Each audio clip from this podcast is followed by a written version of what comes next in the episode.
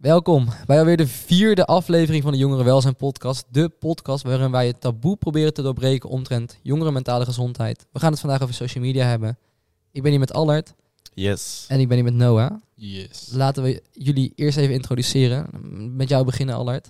Nou, ik ben eh Allard. Jullie kennen mij natuurlijk nog niet, maar ik ben eh, 22 jaar, heel erg met sport bezig. Ik heb een eigen onderneming eh, op sport gericht, om mensen te inspireren, ook op social media. En eh, ik train zelf ook competitief eh, met powerlifting. Super. En hoe heet je bedrijf? Train en game. Je mag gewoon een promo maken. We zijn heel blij dat je er bent. En dan eh, gaan we door naar de andere, Noah. Yes, eh, ik ben eh, Noah. Sinds kort ook 22 jaar. Eh, zo goed als afgestudeerd en eh, op zoek naar werk omtrent de media en innovatie. Ah, super. Mochten jullie nog een baan voor hem hebben, mensen thuis, connect hem. Ik kan alvast zeggen, ik kan niet, ik kan niet drinken, want ik heb ondertussen water over me heen gegooid. voor, voor de YouTube-stream is dat leuk om te zien misschien. Jongens, we gaan beginnen met Quickfire. Dat is een onderdeel waarin, wij, eh, waarin ik jullie drie stellingen voorleg. En dan mogen jullie met één eh, ja, woord antwoorden. Dus let's go. Mhm. We trappen af met Quickfire.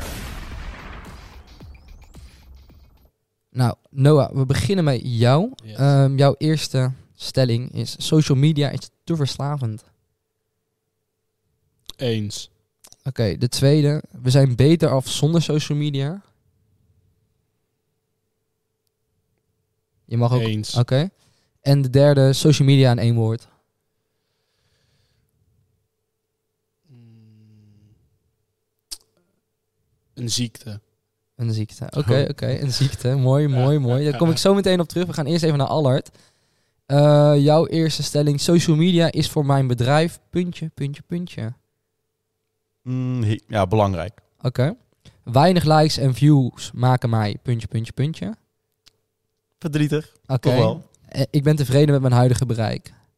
Jawel, ja zeker. Oké, dan gaan we even doorvragen. Nou, ik- er is maar eentje waar ik echt over door kan vragen in het begin. Dat is de ziekte eh, over social media. Noah, explain yourself. Ja, nou, weet, weet je wat een beetje is met social media? Ehm, je zit op dit moment met social media op zo'n punt dat het is eigenlijk, ja, en ik bedoel dit niet zo negatief als het klinkt, het is eigenlijk een soort gezwel. Hè, het, is, Oké. het is dusdanig groot, je kan niet meer zonder. Als in het moment dat je eraan begint, dan, dan zit je erin. En dan is het heel moeilijk om er vanaf te stappen. Maar vooral omdat het iets is wat om je heen blijft groeien.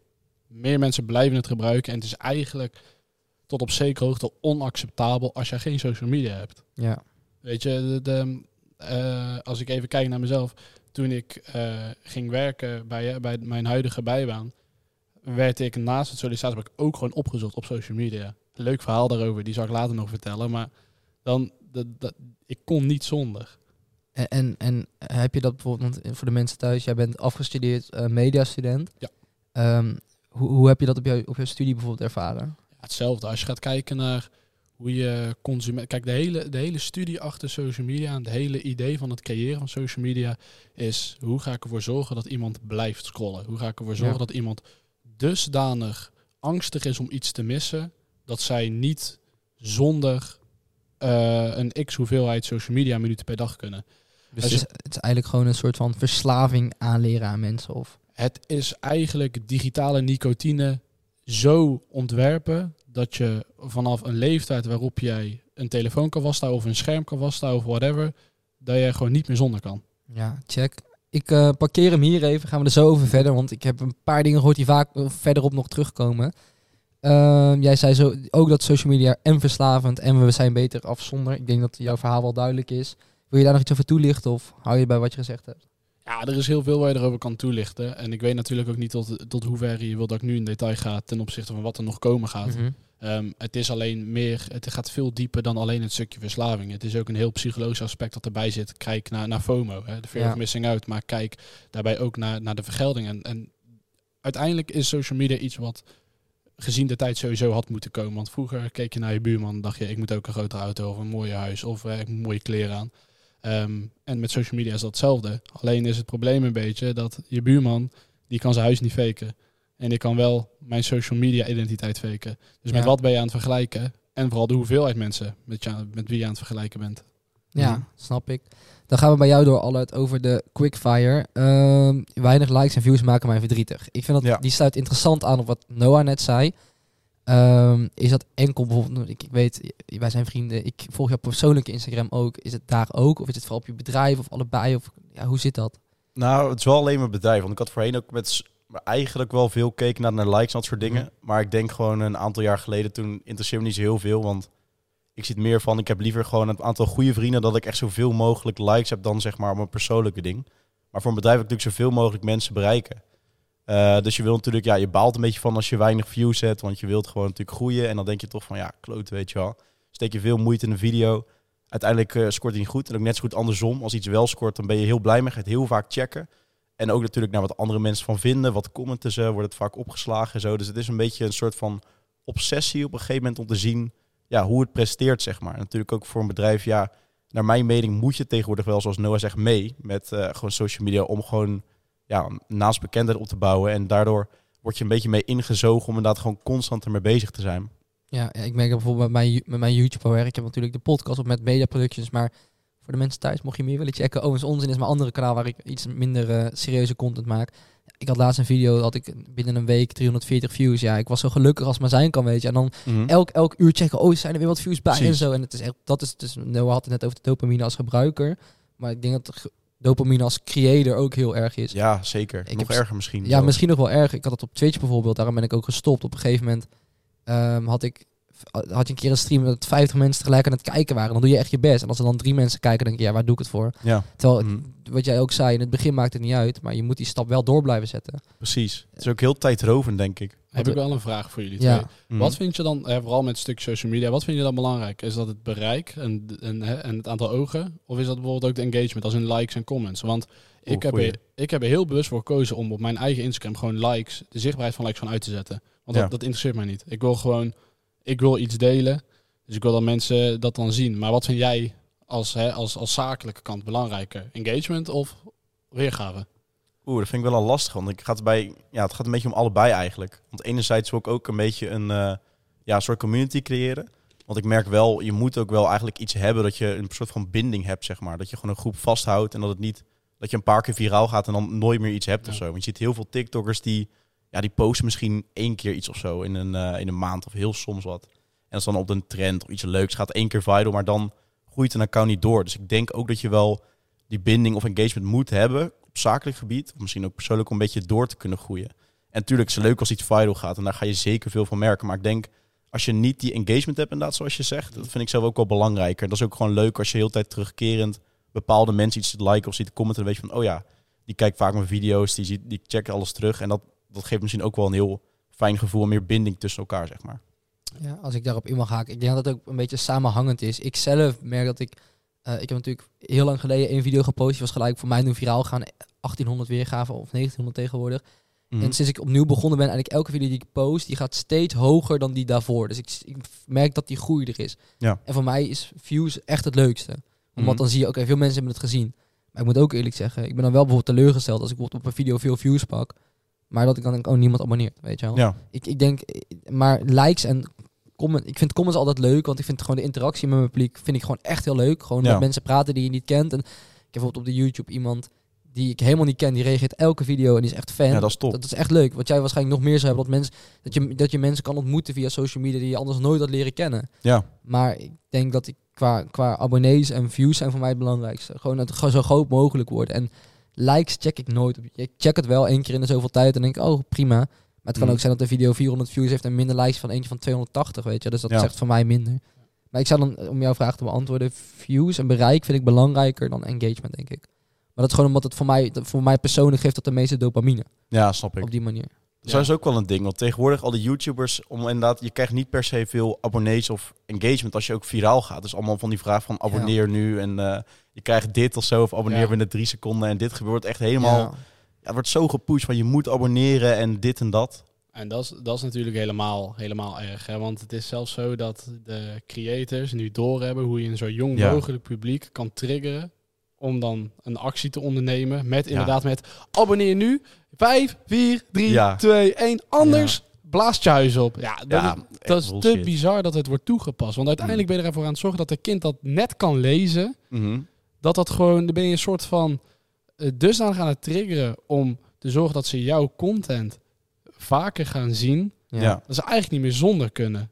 Nee, klopt. Ja. En, en toch met, met z'n allen vinden het hartstikke normaal dat het op die manier gebeurt. Ik denk Mm. ook op mijn kijk, ik zeg ook altijd, mijn kinderen krijgen later niet gelijk een telefoon of iPad. Maar ik denk Mm. zeker als, als, wij, als wij over acht jaar of zes jaar kinderen gaan aan beginnen. Ik weet niet of jullie kinderwens hebben, maar dat is een ander gesprek. Mhm. Maar stel je voor over zes tot tien jaar hebben wij kinderen. Ja, je kan er niet meer onderuit, denk ik. Maar ik vind het echt een zorgelijk iets worden. Ja, Dat, dat, want ik- dat ehm, bijvoorbeeld kinderen tegenwoordig. Dan, wij, waren la- wij waren toen, weet je nog, met die powerlift wedstrijd dat ik voor jou ging filmen. Ja. Waren we naar de KFC, toch? Mhm. En wij lopen daar en dan komt daar letterlijk een kind uit de Mackie lopen. Mhm. Met een laptop in zijn handen. Die, Ja. Dat was geen eens een iPad-kit. Die kind ging gewoon op zijn, stond gewoon op zijn laptop zo. Volgens mij, dat kind werd nog bijna aangereden half. Omdat, omdat hij niet aan het opletten was. Hij was gewoon zo op zijn laptop.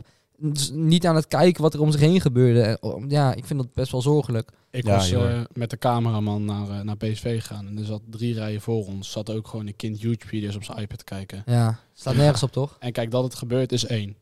Maar dat Mhm. je het als ouder toestaat. Ja, Aan de andere kant, ga ik heel eerlijk zijn, hoe vaak ik wel niet... Nou, hoe vaak nu overdrijf ik. Hoe vaak ik wel niet het automatisme tijdens het rijden ineens zonder dat ik door mijn telefoon open en bijvoorbeeld Twitter open of zo. Waarom ja, doe ik het? Ja, Ja, ik heb- verslaving, denk ik. Ik heb wel eens die, die, die, die app-icons omgewisseld van plek.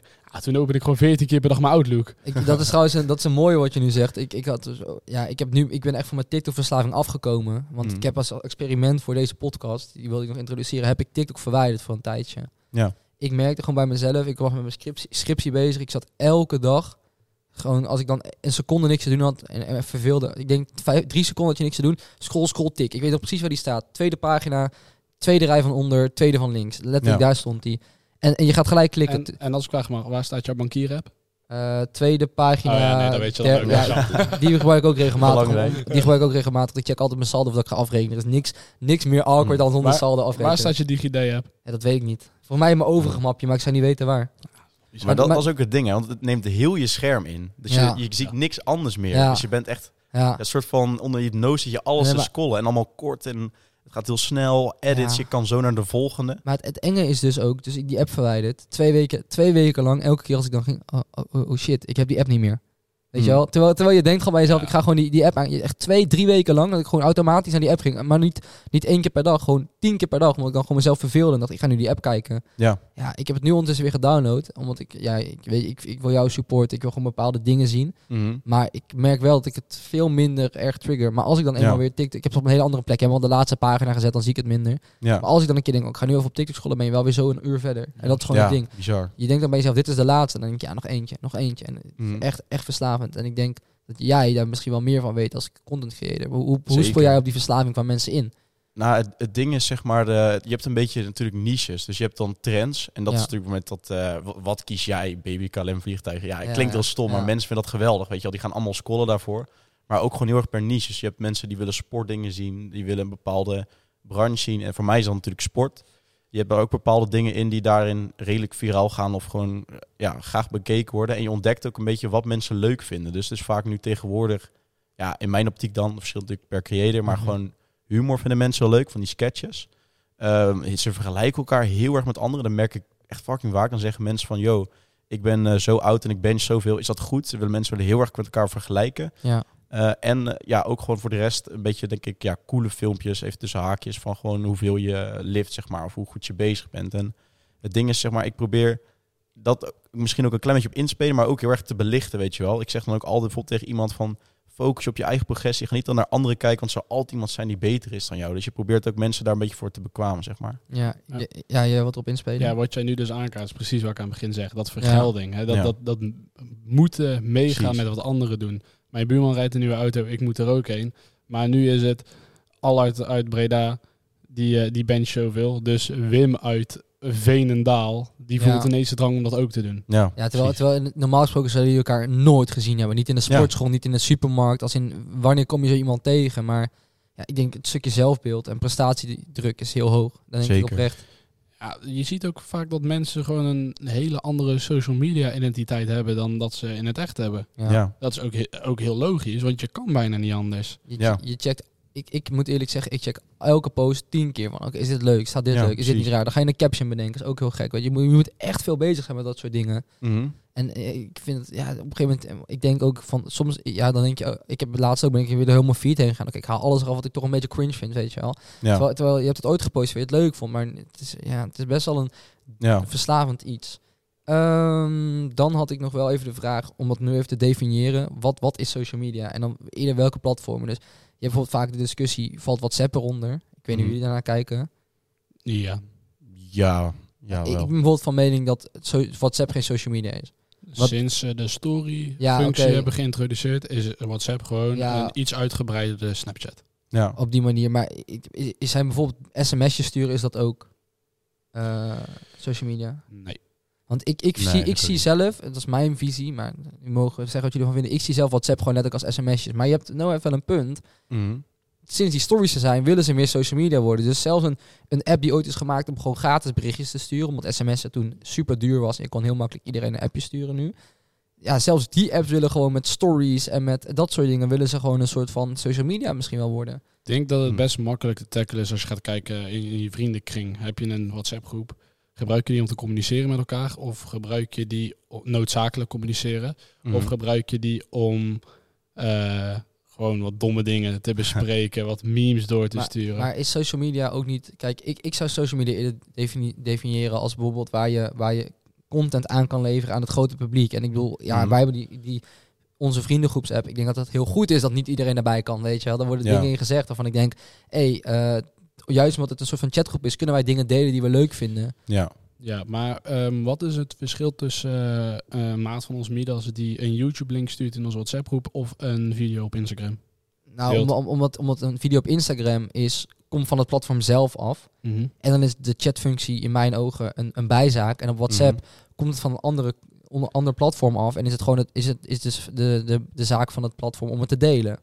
Mhm. Informatie uitwisselen en Instagram is eerder het delen van content. Ja nee, want ik weet niet of je het kan herinneren. YouTube heeft een hele korte tijd gehad dat je chats had.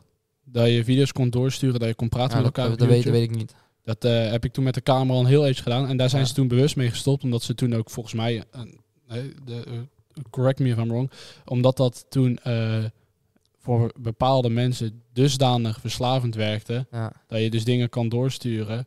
Dat ze dat... Ja, daar moet je niet aan beginnen. Maar uiteindelijk is eh, het feit dat wij dus WhatsApp gebruiken als een platform... om content van andere medi mediums door te sturen... die dat zelf niet toestaan...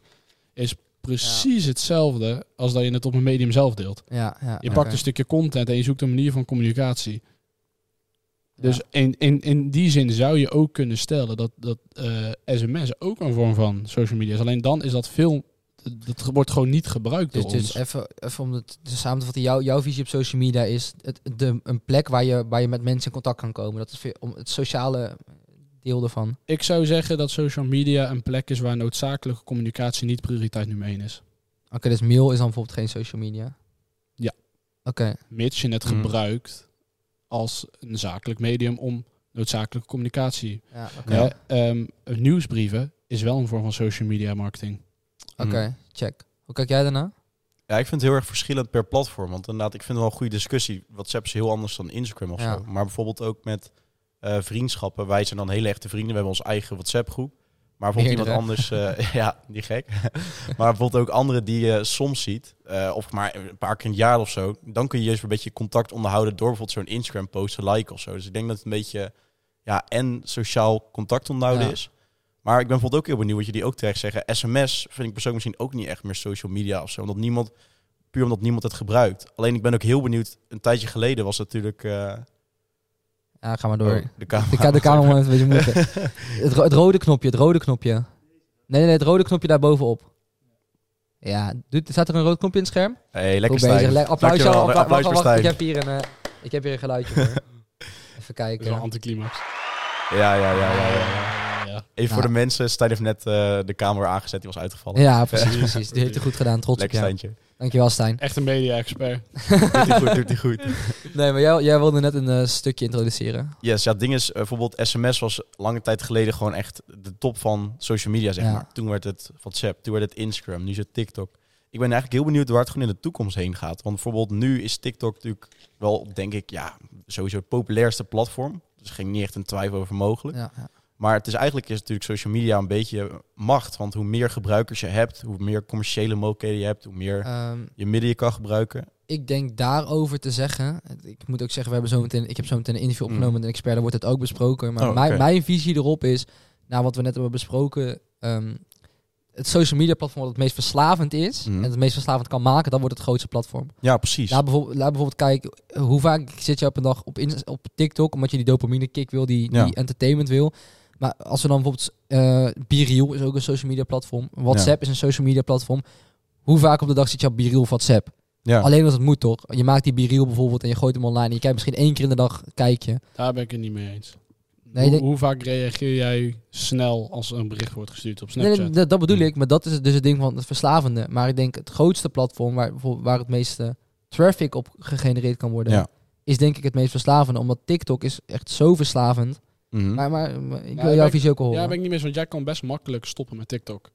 Maar jij kan moeilijker stoppen met Instagram. Ik denk dat de fear of missing out een groter Ja, verslavend, eh, de verslavende toevoeging heeft dan het eindloze content en scrollen. Want uiteindelijk word je dat gewoon zat. Maar als ik een berichtje zie in onze groep op Snapchat, open ik hem zo snel mogelijk. Ik Ja, blijf ja. af en toe mijn Instagram stories kijken, want je wil niks missen. En dat is verslavend. Ik, eh, Instagram heb ik helemaal niks mee. Mhm. Maar toch kijk op, want ik wil niks missen. Snapchat Ja. ook. Ik vind, ja, het is leuk dat je je video's kan opslaan. Maar de enige reden dat ik, dat ik kijk... Nou, mijn vriendin stuur ik elke dag een snap, zodat ik dat verdomde nummertje omhoog kan werken. en ja, dat is de enige reden. Met Rijn heb ik dan precies hetzelfde, een maatje van ons. En voor de rest stuur ik mijn herinneringen naar jullie. Mhm. Of reageer ik op wat er gezegd wordt. Maar dat is Ja. enige reden dat Ja. ik het gebruik. En ik blijf het dagelijks doen. Ja, dat heb je wel een punt. Ik denk, denk inderdaad dat het een combinatie is van fear of missing out en Ja. inderdaad het verslaven. Want ik moet eerlijk zeggen, TikTok is denk ik het- een platform wat je het langste achter elkaar kan gebruiken. Of YouTube. Ik moet eerlijk zeggen, maar ik heb bijvoorbeeld, ik, ik support altijd jouw TikToks als ik ze zie, maar het zou me ook niet uitmaken dat ik twee dagen op rij jouw TikToks even niet zie. Ja. Want, want, drie, want nee, maar drie dagen later, drie dagen later staat hij ook nog online, snap je? Nee, dat is Maar waar. als ik, als ik drie dagen jouw appje laat, laat, laat slingeren, wat jij wel regelmatig doet, maar... Ik, hè? nee, Ja, mij, Nee, nee, nee, maar ik bedoel, het kan zijn... Kijk, als, ik, als, als, als jij mijn appje stuurt van... Hey bro, eh, vanavond chillen. Ja, die kan ik niet drie dagen laten liggen. Want, Nee, klopt. Want dan, Ja. dan, dan ben ik te laat. En dat is dan natuurlijk ook het hele smerige van het hele gebeuren. Is dat je je berichtjes al kan lezen op je homescherm. Ja. Waardoor het wel noodzakelijk wordt om Maar is het, is het daarom ook niet zo bij Snapchat... dat het juist interessanter is om juist wel je snap te openen? Want als ik, ik krijg Ja, een, ik sna- wel. een sna- snap van Noah... dan denk ik, oh, wat heeft hij nu weer gestuurd? Wil je kijken? Mhm. Bijvoorbeeld, wij zijn allebei Tinder-goeroes. Mm. Tinder heeft het denk ik expres zo ingesteld... dat er staat berichtje van puntje, Ja, puntje, puntje. Ja. Omdat je wil kijken wat diegene zegt... in plaats, in plaats van dat jij, dat jij al weet wat er komt te staan. En ik denk Ja. dat dat ook aansluit bij de twijfel of WhatsApp een social media platform is. Ja. Want daarbij zien het. De noodzaak om WhatsApp te openen eh, is wel wat minder. ja. Ja. Omdat je het van tevoren kan zien. Ik krijg heel vaak een appje en dan... Weet je, ik heb 36 chats openstaan, maar ik weet wel wat in die 36 chats ongeveer gezegd of gevraagd wordt. Zullen we wel even met z'n allen concluderen? Mensen die heel veel chats hebben openstaan zijn echt irritante mensen. Ja, fair. Helemaal mee eens. Potverwijs de ketel hier. Maar Nee, nog- één goed. ding erover trouwens. Ja, en dan gaan we daarna door naar het interview. Is goed, want in de, ik ben ook heel benieuwd waar de toekomst heen gaat. Want je hebt Ja. natuurlijk ehm, VR, dat je ook Ja. jezelf kan afsluiten. Ze hebben het zelfs over natuurlijk zo'n chip dat je uiteindelijk in je bereik kan nemen. Wat echt bizar is trouwens. Dus ik nog niet heel ver. ik denk dat wij dat niet gaan meemaken, eerlijk gezegd. jawel, jawel. Jawel, Denk jij dat wij dat Ja, makkelijk. Binnen 50 makkelijk. jaar of zo? Of 60 Ik zal jaar? hier even als master media even mijn mening over delen. Ja, dat is inderdaad wel mooi. Dan eh, hou ik me even stil. Ik eh, heb eh, enkele weken geleden een Microsoft hologrambril opgehad, waardoor eigenlijk het enige wat ik zag digitaal was. Oftewel, ik keek naar een koelkast bij ons eh, op school en ik zag wat erin stond, zonder mijn koelkast te openen. Ik kon een voetbalwedstrijd aanzetten, terwijl ik gewoon op de bank zat en naar het plafond keek. En dan, zat- dan zat je in het stadion, zeg maar. Nee, als in de wedstrijd, maar... oh. Je- ja. ik, ik, ik kan een Alba-concert aanzetten terwijl ik in bad zit. En dan zie ik rechts van mij, links van mij, kan ik gewoon op mijn Twitter met mijn ogen scrollen. Maar eh, eh, even voor het beeld, want het is voor mij niet helemaal duidelijk. Zie je dan bijvoorbeeld, stel je voor, ik zet nu die bril op, zie ik het dan daar op de muur bijvoorbeeld? Of zie ik echt niks anders behalve wat er op die Nee, bril je ziet gewoon alles. Dus ik- maar dus- het dus komt ik kan- ik kan aanvullend. Ik kan dus die podcast nu, en ik kan hem op Allards hoofd kan ik dat zetten in bij Ja, van spreken. je Oké, kan hem vastzetten, Ja, hij kan ook permanent meebewegen. Ja, ja. Ehm, die bril kost volgens mij op dit moment 2000 euro. Mhm. Een VR-headset kostte volgens mij 15 jaar geleden 800 euro. En nu kan je er eentje kopen voor 45 euro op eh Coolblue. Ja. Ik denk dat eh, eh, eh, de, het tijdperk waarin wij een chip gaan hebben, of, of in ieder geval zo'n vorm van lenzen of zo. Ik eh, durf het toch wel, toch wel te zeggen dat we dat binnen nu en 15 jaar al hebben. 100%. ja, zeker. Helemaal omdat je gaat kijken, het enige waar nu echt geïnnoveerd op wordt, is media. Omdat het zo groot is. Ja, als je gaat kijken naar media, dat, dat gebruik je op de basisschool al. Kleuters krijgen al te maken met media. Krijg je Do- een tablet. Dora is een perfect voorbeeld van kinderen die Engels leren voordat ze überhaupt kunnen lopen, zeg maar. Ja. Eh, Je kijkt het toch. Dus hoe groot is de stap dan om te zeggen tegen een kind van... hey, ehm, hier is een VR-headset. Ook dat gebeurt al. Ja. Heel mijn afstudeeronderzoek van mijn bachelor ging ook over het gebruik van VR... om praktijkervaringen op te vangen. Omdat je steeds minder ziet dat mensen met stage kunnen. Helemaal toen tijdens de coronaperiode. Ja. Dat wordt waarschijnlijk een permanent onderdeel. Hoe groot is de stap van een bril opzetten naar lens in doen? Of Ja. dan daadwerkelijk... Gaat steeds verder. Ja, de- ik denk de enige stap die er is voor de mens zal het niet uitmaken. Want wij staan tegenwoordig voor veel meer open dan vroeger. Alles is Ja. normaal. Ik denk de enige stap die je moet maken is een technische stap. Komt Ja. ben jij, sta je er meer voor open omdat jij zoiets hebt van ja, die techniek wil ik wel uitproberen? Of sta je er meer voor open omdat je bang bent dat andere mensen het gaan doen en dat je dan iets mist? Ehm, ik denk, eh, op dit moment zou ik zeggen, ik sta er voor open. Want ik, er is niemand om me heen. Maar ik- als ik even doordenk, ik denk wel op het moment dat... ehm, Als wij allemaal met zo'n als bril jullie op allemaal met zouden zo'n bril op lopen, zouden lopen en ik loop dat niet, dat- dan denk je wel van, wat ben ik aan het doen? Want ik hoorde, ik hoorde Mhm. er niet bij. Ik weet niet hoe jij daarnaar kijkt, Allard. Ja, helemaal mee eens. Zo gaat het ook met TikTok eigenlijk. In het begin vond iedereen het raar. Zo'n Musical.ly was toen nog. Het was Ja. echt fucking Ja. vaak. Ging helemaal lip-sync en zo. En toen op een gegeven moment kwam TikTok. Steeds meer mensen hadden het sturen TikTok. Heb je dat niet gezien op TikTok? M- Maar zo gaat dat gewoon. Midas hè? is het perfecte voorbeeld. Hoeveel jaar heeft die gast geweigerd TikTok te downloaden? Ja, Ja. nu heeft hij toch gedaan. Want dat is echt gewoon als je vrienden hebt, een mensen in je omgeving. Maar dat is eigenlijk met alles. Ook met bijvoorbeeld eh, met roken. Mensen die bijvoorbeeld verslaving hebben, net zijn gestopt. Maar mensen in hun omgeving dichtbij gaan. weer- Dan ga je, heb je ook weer de neiging om ook weer te gaan. En zo blijft dat doorgaan. En ik denk dat het allemaal een soort van dat stofje in je hoofd is. Ze zeggen bijvoorbeeld met op roken in te schakelen. Als, als, als je daar leuke ervaringen mee hebt. Bijvoorbeeld vaak hebben mensen dan... Stel je voor dat jij ouders hebt die roken. En je, je herinnert roken aan leuke ervaringen met kerst. Dat ze een sigaretje roken. Dan is het Ja. eerder... Ik heb thuis niemand die rookt. Eh, ik vind het ook smerig. Dus ik doe het ook niet, snap je? Zou het Hmm. ook nooit doen. Nee, precies. Maar, eh, maar ehm, dat, dat bijvoorbeeld. Maar ik denk met social media, met TikTok ook. In het begin was iedereen van het is stom, het is stom, het is stom. Ja. En dan denk je, oké, ik ga het niet downloaden, want het is een mening. En op een gegeven moment gaat, gaat ja, toen was het met mijn, met mijn vriendin op het moment, die zei, ehm, ja, ik ga het weer downloaden, lijkt me leuk. En ik ging meekijken, was best wel grappig. Toen heb ik het ook maar gedownload. En toen Ja. steeds werd het groter. Ik, ik weet nog, we waren bij de eerste en die vlek werd alleen maar groter in dat kleed, weet Ja. je wel. Maar ja, ik, interessante discussie. Ehm, Wat ik net al zei, ik op dit moment, eh, of gisteren heb ik een interview gehad met René Snippert. Mhm. Hij is ehm, social media redacteur bij Omroep Brabant. En voor mij leek het ook heel interessant om zijn visie erbij te gooien. Ja. Hoe het nou binnen een grote medium is. Gaan we even naar luisteren en daarna heb ik daar wat vragen over. En gaan we het daar verder over hebben. Oké. Dus wij gaan nu naar wat denken de experts. Wat denken de experts? Ik heb op dit moment een interview met René Snippert. En hij is social media redacteur bij Omroep Brabant. Een hele goede middag.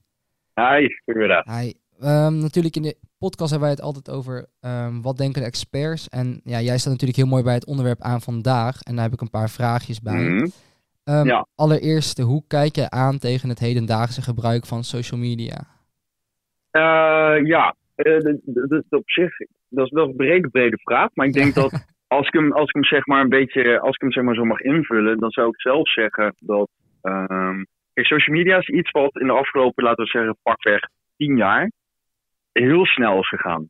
En daarmee bedoel ik dat het ook zeg maar, eh, dat de platformen heel snel volwassen zijn geworden. Dus daar waar het zeg maar eerst iets was van, nou, hè, zoals op YouTube leuk filmpjes kijken, eh, nou, Instagram, dat, dat is ook pas later is dat ontwikkeld. Je had, eerst had je zelfs hives. En wat uiteindelijk eh, niks is geworden, omdat ja, nou, het is eigenlijk niet doorgegroeid. Het is niet volwassener geworden. En als je het naar nu kijkt, dus in het heden, eh, je kan shoppen via Instagram. Je ziet dat het ingezet wordt om bepaalde groepen te bereiken. Je ziet dat het ingezet wordt om, eh, nou, zoals wij doen. Hè. Ik werk zelf voor Omroep Brabant. Om nieuws eh, aan je doelgroep te, te brengen, om die te bereiken, om branding te doen, nou, noem maar op. Dus social media is een heel groot, effectief iets geworden. Ehm, ja, voor mensen die je op allerlei manieren kan inzetten. Vroeger had je denk ik eh, de, tv, of de krant, of de radio. En, dat, en daar, daarmee gebeurde het. En daar is social media is zo langzamerhand bijgekomen. Waarmee het bereik ja, natuurlijk gewoon eh, enorm groot kan zijn. Je kan op TikTok je miljoenen views eh, halen, misschien wel meer. Eh, ja, met een video die mensen graag willen zien, om maar een voorbeeld te geven. Dus ja, het, het- hoe ik er tegenaan kijk, is dat social media in niet meer weg te denken iets is.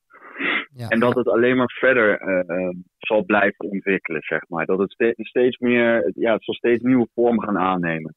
Dat denk ik. En, en denk je dan ook bijvoorbeeld, want we hebben het ook, we- er zijn verschillende platforms. En denk je dan dat het bij die platforms blijft die gewoon steeds machtiger worden? Of zie jij ook nog ruimte voor verschillende platforms om het meer te verspreiden bijvoorbeeld? Ja, ik, ik, ik, ik ben altijd heel benieuwd wat het nieuw is dat eraan komt. Kijk Ja. hoor, eh, drie jaar geleden had ik, toen zei in één keer iemand, ik was van TikTok gehoord. En dan denk je, hè, TikTok? En dan nou ja, vier jaar geleden was dat misschien al. Dan ga je voor het eerst kijken en dan denk je, oh ja, dat weet ik niet of ik dat zo fijn vind hoor, dat die filmpjes onder elkaar.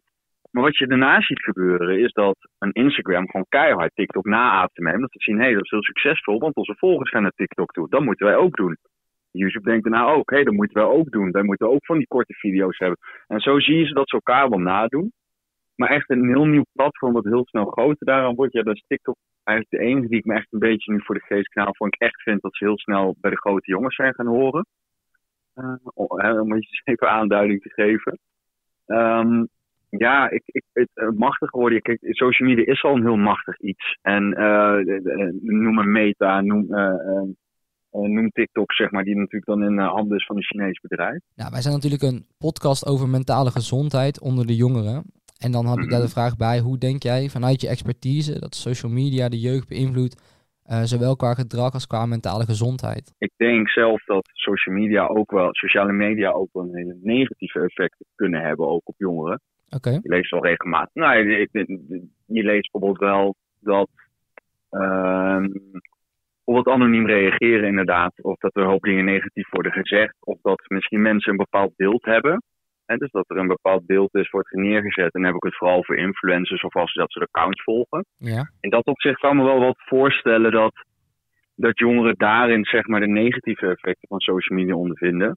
Uh, het positieve wat ik wel weer vind van sociale media, en dat is dan wel weer eventjes terug op mijn rol als bijvoorbeeld redacteur van Omroep Brabant, is mhm. dat wij bijvoorbeeld, wij kunnen wel makkelijk uh, jongeren daar bereiken en nieuws brengen. En het is makkelijker zeg maar via je telefoon even iets te lezen, even iets op te zoeken. Um, en dat op zich heeft het natuurlijk wel zijn voordelen. Dus dat zijn twee dingen die heel erg ver uit elkaar liggen. Aan de ene kant heb je het functionele, vind ik. Ja. En dus je kan social media heel erg inzetten als iets functioneels. En je kan ook kijken naar bijvoorbeeld het mentale aspect, waar, waar natuurlijk jouw podcast wat meer over gaat. Ja, dan heeft, hebben sociale media ook wel, denk ik, hun invloeden. Dus dat mensen lang op hun telefoon zitten, dat er toch wel een bepaalde verslaving misschien daarin zit. Uh, ja, dat, dat, dat er ook een bepaalde zelfbeeld misschien wel uh, aan, aan gekoppeld kan zitten voor sommigen. De ene is natuurlijk daar gevoeliger voor dan de ander.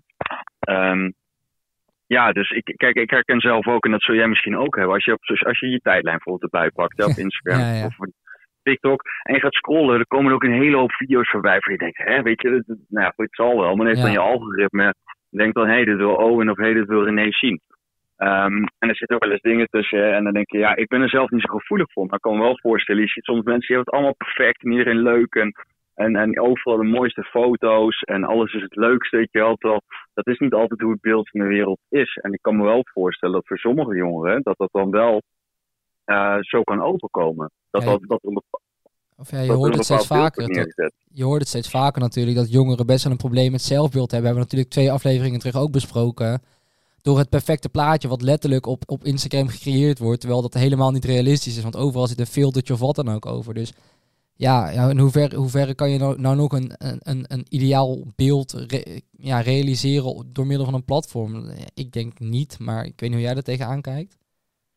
Nee, nee, ja, nee. Dat, kijk, we hebben altijd wel, ik denk dat het altijd wel normaal is geweest dat het ergens ook wel gezond misschien, dat je een bepaalde rolmodel of zo ergens voor aanneemt. Vroeger deden we dat eh, toen sociale media er nog niet was, dat dingen de posters aan muren Ja. eh, van mensen, weet je wel. Hadden we ook, vroeger ook gewoon rocksterren.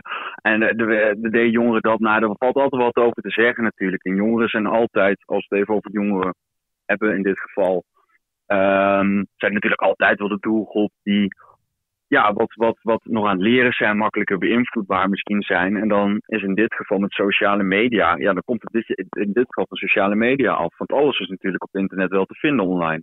Ja, zeker. Dus in dat opzicht kan ik me wel voorstellen, als we het echt specifiek hebben over het mentale gezondheid, zeg maar. En dan met jongeren in, in- ja, in relatie tot sociale media. Ja, dan, dan, dan komt dat, dan kan ik me daar wel een voorstelling bij maken. Ja, Wat ik net ook zei, kijk, voor mij in mijn werkveld is dat.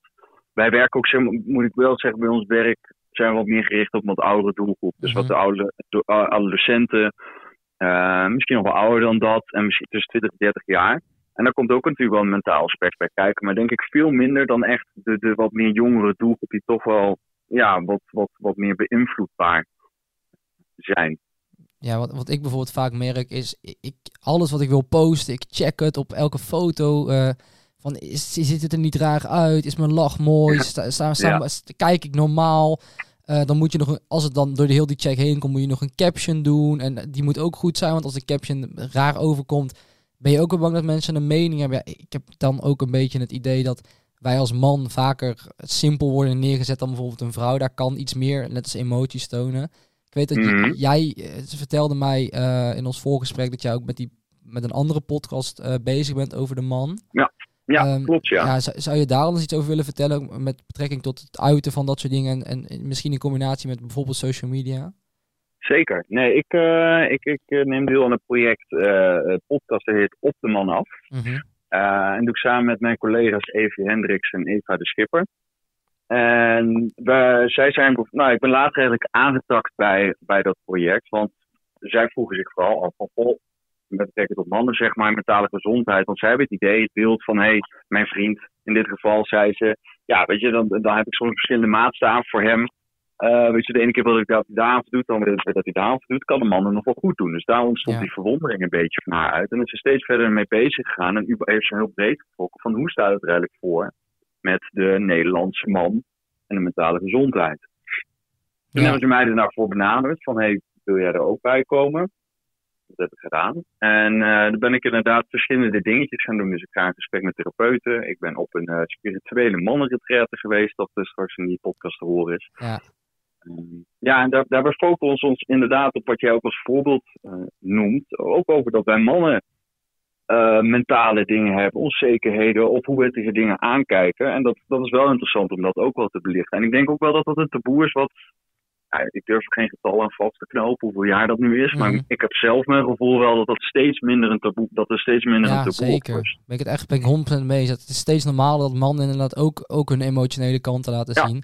Maar Ja, ik en ook denk, op sociale ja, media, hè? Ja, ook op sociale media vind ik ook dat, dat, ehm, dat, dat, zeg maar, als iemand dat uitspreekt, dat dat best wel prima wat meer is, zeg maar. Kijk, als je dat vroeger deed, ik heb, ik heb ook tijdens die podcastopname mijn broer en mijn vader gedaan, en dan Mhm. vertelde mijn vader, heeft dan ook een paar anekdotes in die, in de podcast, maar dan hoor je echt wat verschil van, hij zei, ja, vroeger was dat gewoon niet zo. Vroeger waren dingen anders. En dan zie je, hij is nu eh 64, Ja. en ik ben zelf 31, hoe er in zo'n kort, in die, die, die, die jaren, zeg maar, eigenlijk al een hele hoop dingen veranderen. eh, Ja. qua, qua gedrag. En Toen had je nog geen sociale media natuurlijk, maar Ja, ik denk dat social media in deze tijd daar wel meer aan bijdraagt. Dat, dat het ook steeds meer wordt gedeeld van... Kijk, mannen en jongens, het is ook normaal dat we juist eh, wel onze kant laten zien. Omdat het is eigenlijk vaak als het... Volgens mij is dat als het ene eerste schaap over de dam is, volgt de rest vanzelf. Als, eh, ja, Net bijvoorbeeld die- zo'n Harry Styles, die laat ook zijn hele emotionele kant zien. En als mannen zien, oh, zo'n groot idool kan dat, dan kunnen wij het ook. En ik denk dat op zo'n manier, als ik het in mag vullen, wel ehm, heel veel bij kan dragen aan mentale gezondheid onder jeugd. En dan met name de kanttekening bij de man. Zeker. Maar dat is dan ook wel wat meer richting eh, influencer, vind ik hoor. Ja, Dus kijk, Harry Styles is iemand natuurlijk met zo'n groot bereik. eh, dat, dat, ja, net klopt, dat is een goed voorbeeld. Die, die, die dat, ehm, ja, die, die denk ik inderdaad wel het positieve effect gaan hebben. En dan, dan hebben we het echt wat meer over inderdaad de influencers. Die, ja, of mensen inderdaad een soort idoolstatus die ze hebben eigenlijk. Hè? Want dat, ja. ehm, ja, dan, dan kun je daar een positief effect ook in bijdragen. Ja, en ik denk dat we, dat we met z'n allen dat gewoon zo voor moeten zetten. En ja, ik ben zelf heel erg niet fan van negativiteit op social media. Ik, ik denk eigenlijk niemand die daar fan van is. Wat jij net ook aanhaalde, je hebt wel heel veel mensen die toch negatieve comments, et cetera, plaatsen. Mhm. Ehm, en ik, ik denk dat de ene daar gevoeliger voor is dan de ander. Maar ik denk als we samen met z'n allen nou gewoon lekker positiever ingaan. En, ehm, en inderdaad gewoon laten zien dat, dat, dat er veel meer normaal is. Dat het, dat het dan allemaal best wel een leuk platform kan zijn. Maar het haalt gewoon zoveel negativiteit naar boven. Ik denk dat, en misschien dat een, ik denk dat zeg maar, de anonimiteit, Ja, die eh, zorgt er gewoon voor dat het bij sommige mensen helaas een slechte in hun boven haalt. Dat, dat, is, dat, is, dat is misschien ook wel een beetje van sommige mensen eigen. mhm. Wij merken het ook, ook als ik aan het werk ben, merk ik ook dat, dat sommige reacties zo misselijk, maar dat is, dat is de, dat is de drie, nog niet eens de 1% misschien van de mensen die allemaal jouw post ziet en denkt, hé leuk, en die klikt op vind ik leuk en die gaat verder met zijn dag. ja, Maar er ja. zijn sommige mensen die ondernemen echt de moeite om heel negatief op iets te reageren. Of om heel erg een, ja, wat de reden erachter zit, dat weet je ook niet precies. Maar dat, dat is wat je inderdaad dan ziet. En dat gaat dan misschien overheersen. Terwijl Ja. er een hele grote groep is die dat helemaal niet, ehm, die dat helemaal niet heeft. Ik, ik, ik zelf reageer amper eigenlijk onder berichten. Ja. ja, in mijn werk wel, mijn persoonlijke account niet. Maar ik, ik ben dat liken, ik zie dingen, ik stuur dat door naar andere mensen. Maar dat zien mensen helemaal niet. Maar ga ik onder reageren met een hele negatieve comment, dan staat mijn naam erbij met dat. En dan denk je, hé, maar de platformen, ja, mensen zijn heel negatief hierop. Ja, Dus dat is denk ik, ja, ja, dat is wel een beetje het lastige ook natuurlijk van sociale media. En dan aan het, aan het einde, mensen moeten ook meenemen. Kijk, eh, dat is hetzelfde met het plaatsen van een review. Hoe vaak als jij Mhm. gewoon prima geholpen bent in een winkel, laat jij een 4 of 5 sterren review achter. Ik zelf nooit, om eerlijk te zijn. Nee, Maar op Nee. het moment, dat, het moment dat, ehm, dat ik een hele negatieve ervaring heb, dan schrijf ik soms wel eens een 1 sterren review, gewoon omdat ik het dan kwijt wil. En ik denk dat het met reacties hetzelfde is. Je hebt heel vaak dat ik een leuk artikel lees, bijvoorbeeld bij jullie op de, op de, op de, op de Insta. En dan, en dan Mhm. ga ik de comments lezen en denk ik, wat een negativiteit joh. Maar ik denk dat dat, dat is gewoon de uitlaatklep van mensen. Want als je het goed vindt, ja, je gaat nooit reageren, hé hey, wat leuk.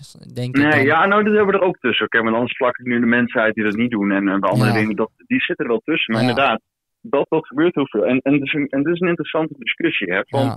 moet je eh, de anonimiteit gaan wegnemen online? Ja, de ene kant zeg je misschien wel, want dan heb je eh, bepaalde negatieve lading niet meer. Maar dan raak je natuurlijk wel weer een heel stuk privacy kwijt. En dan krijg je wel weer, nou, nog meer dat misschien wel de overheid eh, en nog meer bij je gegevens kan, zeg maar. Dat is voor sommige mensen is dat gewoon heel veel waard.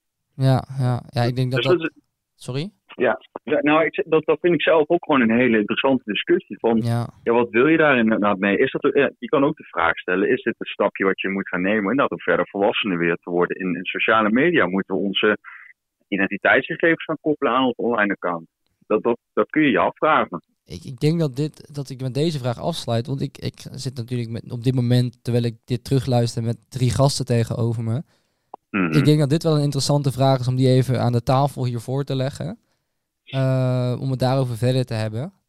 Ja. Dan wil ik jou enorm bedanken voor je tijd en je expertise en je, en je mening over dit onderwerp. Graag gedaan. Nou, dat was dus het interview met René Snippert. René, je zei dat je terug ging kijken, dus hartstikke bedankt voor je interview. En ik wil gelijk even de vraag aan jullie introduceren. Mhm. Ehm, hoe kijken jullie tegen wat hij op het einde zei aan? Ja. Zou social media niet meer anoniem moeten zijn als we kijken naar het zo makkelijk plaatsen van haatcomments, et cetera? Nou, wat me opviel inderdaad in de, de interview is eigenlijk... Ik kan het samenvatten in twee dingen. Ja, Enerzijds inderdaad dat die platformen op basis van data blijven optimaliseren. ja, En dat andere platformen dat overnemen. Om dat verslavender te maken. Dat vond ik heel interessant. Maar dan merk ik ook met creators inderdaad. Die merken wat goed werkt. Even een heel simpel voorbeeld. Ik kan er een paar noemen. Eh, grappige video's met humor. Trends. eh, video's dat je een gameplay ziet. Dat je blijft kijken. Dat blijven ze ontwikkelen. Dat vind ik een hele interessant om het verslaafd te maken. Maar daar je ook op inhaakt op die negativiteit. Want het is eigenlijk een beetje een ja, ethische afweging van... Het brengt heel veel positieve dingen. Je inspireert mensen. Je leert ervan. Je, ziet, je wordt vermaakt. Maar die negatieve kant is echt heel groot inderdaad. Dat mensen, als, je, als ze verdrietig zijn, gaan ze heel veel zielige video's kijken. Worden ze gepusht, komen er meer op de For You. Ehm, als ze iemand zien die sterker is, gaan ze zichzelf vergelijken. Je kan inderdaad anoniem heel veel haat plaatsen. En de drempel is zo laag om iemand ehm, ja, misschien eh, gewoon uitschelden voor geen reden. Als je dat gewoon graag doet. En wat jij terecht zei, als het goed is, ga je minder snel een comment plaatsen. Want je liked gewoon, je vindt het leuk, je wil gewoon engaged blijven. Maar als jij dan negatief bent, zeg je, hé, hey, wat, wat ben jij nou godsnaam aan het doen? Echt een slechte video of zo, Ja. even heel simpel zegt. En ik denk dus dat die, ja, wat René, dat die drang, als hij eens negatief is, dat dat leuker is. Of dat mensen meer geneigd zijn om dan iets bij iemand te posten, omdat het positief is. En dat doet eigenlijk dat beeld een beetje, ja, eh, verpesten, zeg maar. Dat je meer negatief ziet dan positief, terwijl het eigenlijk andersom is. Want het is maar een klein deel die altijd negatief is vaak. ik ben het er sowieso mee eens. Ik was laatst een hele tijd terug een video van Serpent Gameplay aan het kijken. Ik Kijk niet vaak, maar ik weet niet. Die kwam op mijn- op mijn pagina van YouTube en ik ging kijken. En hij zei eigenlijk dat hij dus had een nieuwe vriendin en die werd helemaal uitgescholden in de comments. Je vorige vriendin was leuker, dit is echt een lelijke puntje, puntje, puntje, et cetera, weet je wel.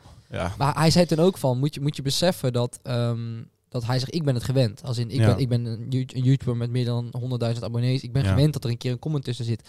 Zij zit voor de eerste keer in een video, gaat die comments natuurlijk lezen, krijgt alleen maar negativiteit. En ik denk dat het ook is, bijvoorbeeld, stel je voor jou, jouw nichtje van 12 maakt een TikTok en dat gaan mensen, je kan helemaal niks, weet je wel. Ja, dat is voor zo'n kind komt dat super hard aan. Die is dat niet gewend, die voelt het heel persoonlijk. Ja, Dat zou jij misschien ook hebben, maar ja, en dan denk als je, ik heb zelf bijvoorbeeld, ik weet niet hoe jullie daarnaar kijken, Mhm. als je 12 leuke reacties krijgt en één stomme, ja dan, dan, dan die stomme overheerst. precies. Ik weet niet of jij nog iets wil aanhaken op het interview, Noah. Ik denk dat het eh, ten alle tijde is dat het mensen het negatieve onthoudt boven het positieve. Ja. Dus, Mhm. En dat is ook op social media zo, maar dat is niet per se een probleem van social media zelf. Ik denk alleen dat anonimiteit niet veel oplost. Wat echt iets zou oplossen, is als mensen buiten social media verantwoordelijk worden gesteld voor het gedrag. Ja. Dus het moment dat ik een nieuwe baan zoek en iemand gaat gewoon checken wat er gezegd is. En dan in dat opzicht is anonimiteit zorgt ervoor dat het minder makkelijk opgezocht kan worden. Maar als Ja. je gaat kijken, uiteindelijk is heel veel heel makkelijk te achterhalen. Dus hoe, Ja.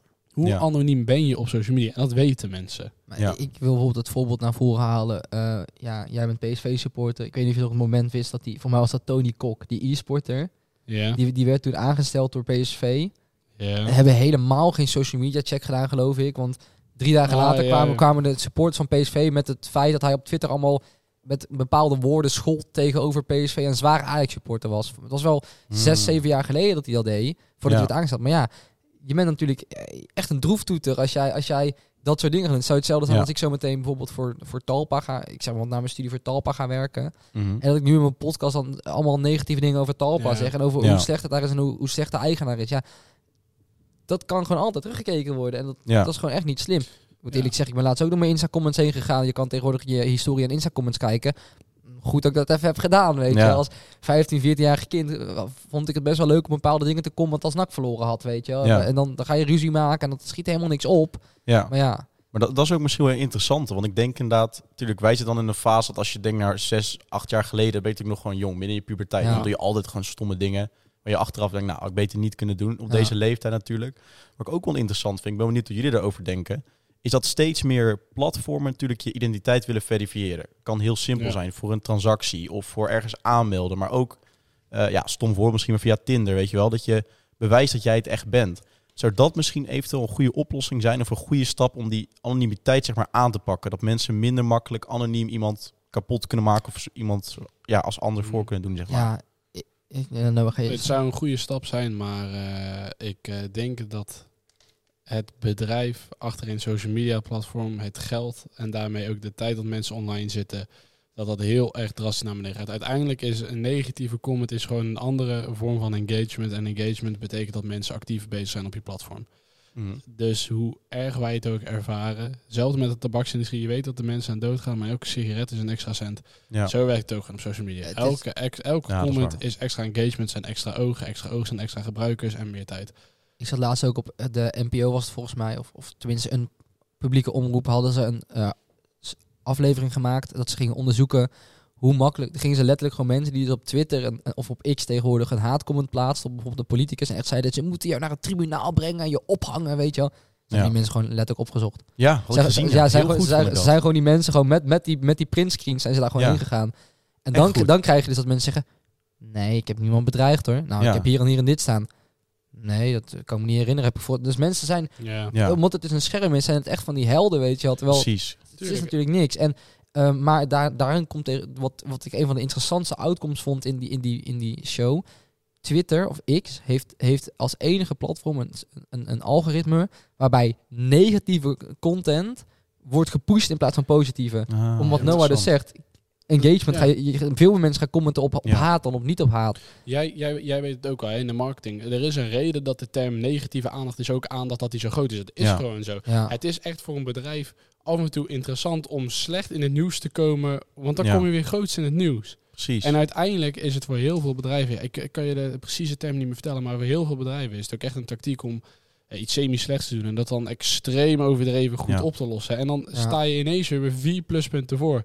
En Precies. zo werkt het ook met influencers. Je kan niemand cancelen. Cancelen bestaat niet. Nee. Het is gewoon een soort tijdelijke onbetaalde Ja. vakantie. Precies. Je ziet het ook met die Bilal Wahib. Precies hetzelfde. Ja. Gecanceld dit, dat. En hij komt er alleen maar beter uit, want hij Ja. is nu bekend geworden. Iedereen, iedereen Ja. kent hem tegenwoordig. En, en hij, mag, hij mag programma's maken om, om pesten op te lossen. Dus Precies. Ja, ja, het ding is wel natuurlijk, je, ik denk wel dat zo iemand daar oneindig mee een keer gekweld dat iemand weer zoiets comment of zo, weet je wel, om hem te kleineren. Maar ik vind het wel interessant, want bijvoorbeeld zo'n influencer van Ex on the Beach of zo, dat zijn vaak een beetje van die, ja, no-no's met alle respect, maar ja. die posten ook de meest domme dingen en Ja. eh, die worden super populair, die krijgen samenwerking met een groot bedrijf, Wat, denk je van die, wat denk je van die Tim? Ja, En dat is een let- perfecte let- voorbeeld. Letterlijk, letterlijk het voorbeeld Noah net zei. ja, Die, perfect die, die, voorbeeld. die gaat letterlijk naar een, naar een, naar een McDrive. Gaat daar een, een, een vrouw van Chinese afkomst helemaal met allemaal racistische Ja. dingen uitschelden. Mhm. En, Gaat en super viraal. gaat super viraal. superviraal. Weet, Ja. weet ook de donders goed dat hij dit op Instagram zet of op zijn Snapchat story zet. Ja. Je hoeft het niet te posten, weet je wel. ja. En gaat vervolgens met een bosje bloemen. Ik denk dat hij, hij is er niet beter uitgekomen, maar die jongen Ja. blijft viraal gaan. Jawel, hij Ja. is wel beter uitgekomen. Want Ja, vervolgens- financieel, maar qua, qua Ook, plaatje niet misschien. Nee, want hij is een jaar later, hè, had hij zichzelf gerebrand eh naar in plaats van Snapking die Tim. Het was Ja. een lieve jongen die, eh, die aan de liefde dacht. En toen kwam hij terug. Toen stonden heel die comments vol met, ja, het kon niet wat je doet, maar wel netjes dat je dit doet. ja, En- En precies. ik denk dat, en hij bijvoorbeeld niet één, niet twee, niet drie, maar drie PlayStation 5. Ja, dat is 100% bewust bij die gast. ja, die jongen, denk ik ook wel. ik denk dat die jongen, het zal, het, zal geen, het zal geen universitaire jongen zijn, maar het- die jongen is echt slimmer dan we Daar denken. zeg ik wel bij dat toen met zijn telefoon eh fraude met dat bellen, dat er wel geconcludeerd was dat hij zwak begaafd was. Ja. ja, kijk, sommige dingen die zijn allemaal onbewust. Maar de, echt bepaalde dingen zijn wel bewust. Dat je denkt van, oké, je ziet dat het werkt. Dus ik doe het nog een keer. En zeker als, als iets viraal gaat, zo'n counterpound en dan een nummer Ja. erover maken, Ja. echt uitmelken. Ja, dat, Dat vind ik vind ik- vreselijk. Daar wil ik ook nog wel even een compliment geven bijvoorbeeld aan Allert. Het is heel Mm. makkelijk om te groeien over de rug van anderen met negativiteit en het het uitmelken van je kijkers. En dat doe je Ja. niet. En je weet donders goed dat je daardoor de stappen die je maakt, die zijn wat minder. ja. Maar je kiest er bewust niet voor. Als je gaat kijken naar echte grote mensen in de media, Mhm. die weten donders goed wat ze doen. En dat zijn vaak praktijken waarvan je als je ze uitgelegd krijgt, dat je eigenlijk dan al denkt van, ja. moet je dat wel doen? En Maar- toch donders Ja. goed weten, maar dan ook een, niet, niet een beetje, maar echt meester erin zijn. Maar Die Rijk. Rijk Hofman doet het toch heel erg. Dat hij dan gaat reageren op andere, andere content. En ik vind hem vaak negatief. Ja. Ja. omdat het een jongen is voor, met een knappe kop, een goede bos haren, een leuke persoonlijkheid. Iedereen kijkt erop en die meiden Ja. glijden van de bank af, weet je wel. Maar ja, nee, maar het is Ja, wel is zo. zo. Maar, om, om, maar in principe, hij is heel negatief, als we eerlijk zijn. Ja. maar ja, compliment. Jij gaat meer voor de Mm. community en, en voor de, Ja. la- de, lange, de lange weg. Dat mensen ook echt fan worden van jou. In plaats van, ik, ik wil de korte fame. Maar dat is ook echt een heel interessant ding. Want je merkt ook echt met die ehm influencers. Misschien een praktisch voorbeeld is laatst je die Kosso met die Alex. Ja. Ja. die waren zogenaamd zieke ruzie. Heel veel TikToks gemaakt. Ja. En nu zijn ze ineens beste vrienden. Zaten ze naast elkaar. Hé hey jongens, ruzie is niet goed. Dit en dit. En het zat zoveel commotie van. Dat zijn nog oneindig voorbeelden. Zoals die Mees Wijnands toen hij met Ja. de BMW en NPO 1. Ja. Nou, die is nu nog bekender. Heeft een podcast met Clean Nutrition gehad, weet je wel. Of met Als jij- Beukers. Als jij met gewoon een, een, een, een, een semi-grote influencer een ruzie maakt en vervolgens het samen oplost, Ja. die ruzie gaat viraal, helemaal als er daadwerkelijk iets goed. Zag je toen ook bij heel die, heel die A- dat AWR gebeuren, al dat nepvechten. Dus Dat, dat Ja. dat, dat is, dat is de oorsprong viraal. van social media, social Ja. media ruzie in Ik denk het wel dat daar misschien is in, Ne- ontstaan. in Nederland, ja, Ja, maar het was in is- Amerika, ja. Dit is natuurlijk, maar dit is al sinds de tv-tijd dat dit zo gaat, hè? Ja, Ja. ja. En wat denken jullie van het uitmelken van eh, of de rijdende rechter? Ja, dat, is gewoon, dat is gewoon echt, dat is gewoon echt Nou, het uit, uitmelken van ruzies, weet je wel. Echt Ja. dat mensen, dat Ja. zijn gewoon twee mensen die eigenlijk allebei, meestal zijn het gewoon echt hele simpele mensen. Die, Ja. gaan, ze, die gaan ze expres tegen elkaar opzetten. In het begin was het gewoon nog een serieus programma. Ja. Maar Ja. als je nu kijkt, tegenwoordig gaat, gaat die, die Het is allemaal René- gekkies. is dat die René Ja. Brandt, of heet hij? Die, Ehm, Victor oh, Brandt, Victor ja. Die, die, die gaat echt die mensen ook een soort van in, in, de, in de zijk nemen, weet je wel. Ja. De voetbaltrainer, dat nieuwe programma, dat ze dan trainers een hele tijd gaan Ja. filmen, die vinden dat tof. En dan uiteindelijk eh, met, de, met, de, met de voice-over worden die mensen zwaar voor lul gezet. Maar het is Ja. gewoon heel, wat Noah zegt, kliks halen over de rug van anderen. En, Ja. en daarbij is dus ook echt als kijker, en je doet het onbewust, maar je kijkt omdat je het leuk vindt. Maar Precies. bijvoorbeeld ook zo lang leven liefst, je kijkt omdat je het leuk vindt. Maar stiekem wil je ook gewoon mensen uitlachen en jezelf goed voelen. dat is het leuk. Als, als, als, het daar alleen maar mensen waren die, die smoor verliefd zijn en geweldig zijn. Op een gegeven moment heb je het wel gezien. Het is ja, zo leuk. Je ziet gewoon mensen die, dat is tegenwoordig de hype denk ik op social media. Mensen die hetzelfde zijn als jij. Ja. Ja. Het is vaak of heel goed, dus bijvoorbeeld altijd is heel goed in sporten. Dus daarom vinden mensen Ja. jou tof, omdat ze dan tegen je opkijken. Maar mijn kracht is denk ik dat ik, dat ik net als in de podcast het bespreekbaar maak. Ja. Terwijl ik gewoon een Mm. normale jongen ben en ik hier met Ja. normale mensen zit. Ja. Op de YouTube probeer ik ook gewoon een soort van vriend. Op Twitch ook toen. Ik was de vriend van de kijkers. Ik was niet Ja. per se. Ik was niet per se. ehm, hoe heet dat? Ja, gewoon. gewoon ik, ik was niet per se groter Nee. of beter. En- Ja. En dat is, dat is heel goed. En dan ga je echt over de lange termijn bij je persoonlijkheid aan het creëren. Maar als je een beetje fatsoenlijk snel wil groeien, dan bestaan er maar twee uitersten. Ja. En dat is echt heel erg. Ja, maar stel je ook voor dat... Ik wil jou uiterst horen. Wat zijn ze? Dat is, Mhm. dat is of het extreem negatieve. eh, kijk, een mooi voorbeeld in de fitnessindustrie is nu die Sam, die Sam Sulek. Ik weet niet of je die, die Zeker. beetje... Die, eh, die gaat super viraal op TikTok, omdat hij echt de meest bizarre dingen eh comment onder comments van eh, Ja. zijn kijkers. Wat daarbij ook 9 van 10 keer hartstikke negatief is. Mhm. Maar, Ja. het, maar het is grappig en hij zegt ook van hey, eh, eh, skip school, gebruik anabolen en ga sporten. Ja. En dat is een extreem uitzet, terwijl hij donders goed weet wat hij doet. Want er zijn honderden, duizenden, als niet tienduizenden kinderen die opkijken naar dat soort gasten en denken ik wil dit ook, dus ik ga dit doen. En hij weet Ja. wat hij doet, maar het is snelle groei. Ja. Je hebt ook, als ander voorbeeld, bijvoorbeeld Allard, Die, die gaat echt voor je, vergelijk jezelf niet met anderen. Doe dit, doe dat. Nee, niet om jou op te hemelen. Ja. Maar, eh, maar dat zijn echt twee uitzendingen. Maar dat is Ja. hetzelfde met, met het reageren op. Je ja. hebt genoeg eh, content creators die alleen maar reageren op, op faalvideo's. Op mensen die voor lul gezet worden. Mensen belachelijk maken. Maar je hebt ook gewoon heel veel die gewoon reageren op, weet ik wel, een mooi huisinterieur. Maar dat zijn de Ja. mensen waar je het minste van hoort. Precies, en Ja. dat is ook een beetje wat jij zei net met die Rijk Hofman. Dat je een toffe eh, guy vindt. Nou, ben ik bijvoorbeeld mee eens. Maar stel je voor dat jij nu had gezegd van... Nou, Rijk Hofman vind ik echt de grootste sukkel ooit. Was die clip misschien viraal gegaan? Ik ga dit, hij ik ga dit video uitknippen. gemaakt. ja, even bij editen, weet je wel. Maar dan was het een heel Ja. ander verhaal. Dus ik ben, dat vind ik een hele goeie inderdaad. Ja. Het negatieve is veel, veel Ja. meer viraal potentie. En zullen we even een, het, het grootste voorbeeld van de afgelopen tien jaar misschien noemen in, in, in Mm. wereldwijd? Top G. ja, Andrew Tate. Ja, Die- die, uitgespeeld. die, men, die, men, die, heeft echt per- die is perfect in het, in, het, in het creëren van een hele grote eh, trouwe fanbase. Ja. En, en dat inderdaad uitmelken door, door het maken van hele goede com. Die heeft echt, wat Noah zegt, alle twee de opties perfect gecombineerd. ja, Hij, ma- hij zet mensen eh, tot denken ja. met, met rare comments. Maar hij, hij motiveert mensen ook om beter te worden met positieve Ja. comments. Maar hij, hij, Ja. hij begrijpt perfect zijn doelgroep. En dat zijn ja, gefrustreerde mannen. precies. Ja. En als je je doelgroep perfect kent, dan heb je het sowieso uitgespeeld. Ja. Ja, maar het ding is ook wel natuurlijk, hij had ook wel een andere boodschap. Dat hij echt ging voor zelfverbetering. Maar dat sluit ook weer aan bij die discussie die we net hadden met negatieve dingen is ook. Want hij zegt heel Ja. veel positieve dingen. Maar hij heeft ook wel dingen gedaan die nergens op sloeg. En waar hij is veroordeeld voor is. En ook door wel En dat, mensen. dat, is voor hem alleen maar, dat is voor hem die negatieve Uiteindelijk- positief aandacht. Uiteindelijk is hij viraal gegaan door de opmerking over vrouwen. Ja. En Ja. over, over laagverdienende of laag opgeleide mensen. Ja. Daarmee is hij viraal En juist, toen- en juist omdat Mhm. die vrouwen dan weer zeggen... Oké, als jij Andrew Tate volgt, dan onvolg Ja, ik jou. Dan gaan mensen zeggen. hem juist weer supporten van... Zie je, dit zijn die vrouwen. En Ja. hij weet gewoon wat hij Ja, doet. maar dat is ook het ding. Je kan ook een stap verder pakken. Want je hebt dan en infants die met elkaar zeg maar gewoon iets afspreken. En een beef hebben. Zoals bijvoorbeeld die Jordi Storm en die Alex. Wat zie ik Ja. verhaal in. Maar dan heb je ook nog een volgende stap. En dat is die volgers van hun die onder elkaar juist weer allemaal gaan... Ja, Ja. ruzie zoeken met elkaar. En dan Hoe- gaat het ook weer vaak- meer eh, views ontstaan. Hoe vaak is het niet als je, als je op X aan het, aan het commenten bent... En Hmm. ehm, eh, of aan X een voetbalpost hebt... Hoe vaak gaan mensen daar niet gewoon random commenten... Pessie is finish. Of Ja, altijd mensen, wat je zegt... ja. Fanbases die moeten elkaar gewoon uitschelden. Daarbij is het nog erger dat de helft van die mensen dat niet eens reageren om, om een statement te maken. Die reageren dat omdat ze weten dat ze daarmee bereik halen. Ja. En Ja. uiteindelijk, zonder dat we er iets mee bereiken, worden Ja. we allemaal hartstikke opgewonden, opgewonden van als dat weergave Ja. cijfertje zo Ja. hoog mogelijk is. En waarom? Omdat wij ons dan beter voelen dan een ander. Precies. Zeker. Oké, ik wil hem nog wel even gaan samenvatten. Hm? Een heel interessant gesprek, maar we moeten echt wel door, want we zitten al bijna richting het uur. Ja. Ehm, ik zou dan graag om dit stukje van ons, onze kijk, eh één positieve kant en één negatieve kant aan social media. Het mag, hoeft niet per se één woord, maar gewoon begin ik met jou. Mhm. Je mag ook uitleggen jouw positieve kant voor social media. Positieve kant is toch wel bereik en inspiratie. Gewoon om inderdaad mensen wat te kunnen leren over een vak. Of inderdaad voor hunzelf een beter gevoel te kunnen geven. Eh, en inderdaad gewoon een community gevoel. Dat mensen zich ergens fijn voelen en daar eh, ja, van beter worden. En het negatieve ja, is toch echt wel eh, dat het zo verslavend is en heel veel negatieve beelden kan creëren. En dat is juist het moeilijke, want het heeft heel veel positieve kanten, maar heel veel negatieve. En het is heel moeilijk om dat af te wegen met elkaar. Ja. Oké. Ik denk, ehm, een beetje aanvullend, ik denk dat het positieve is, dat zijn de twee. Het is een oneindige enc- encyclopedie. Je kan Ja, oneindig precies. leren. Je kan geïnspireerd worden om dingen te doen, om een beter persoon te worden.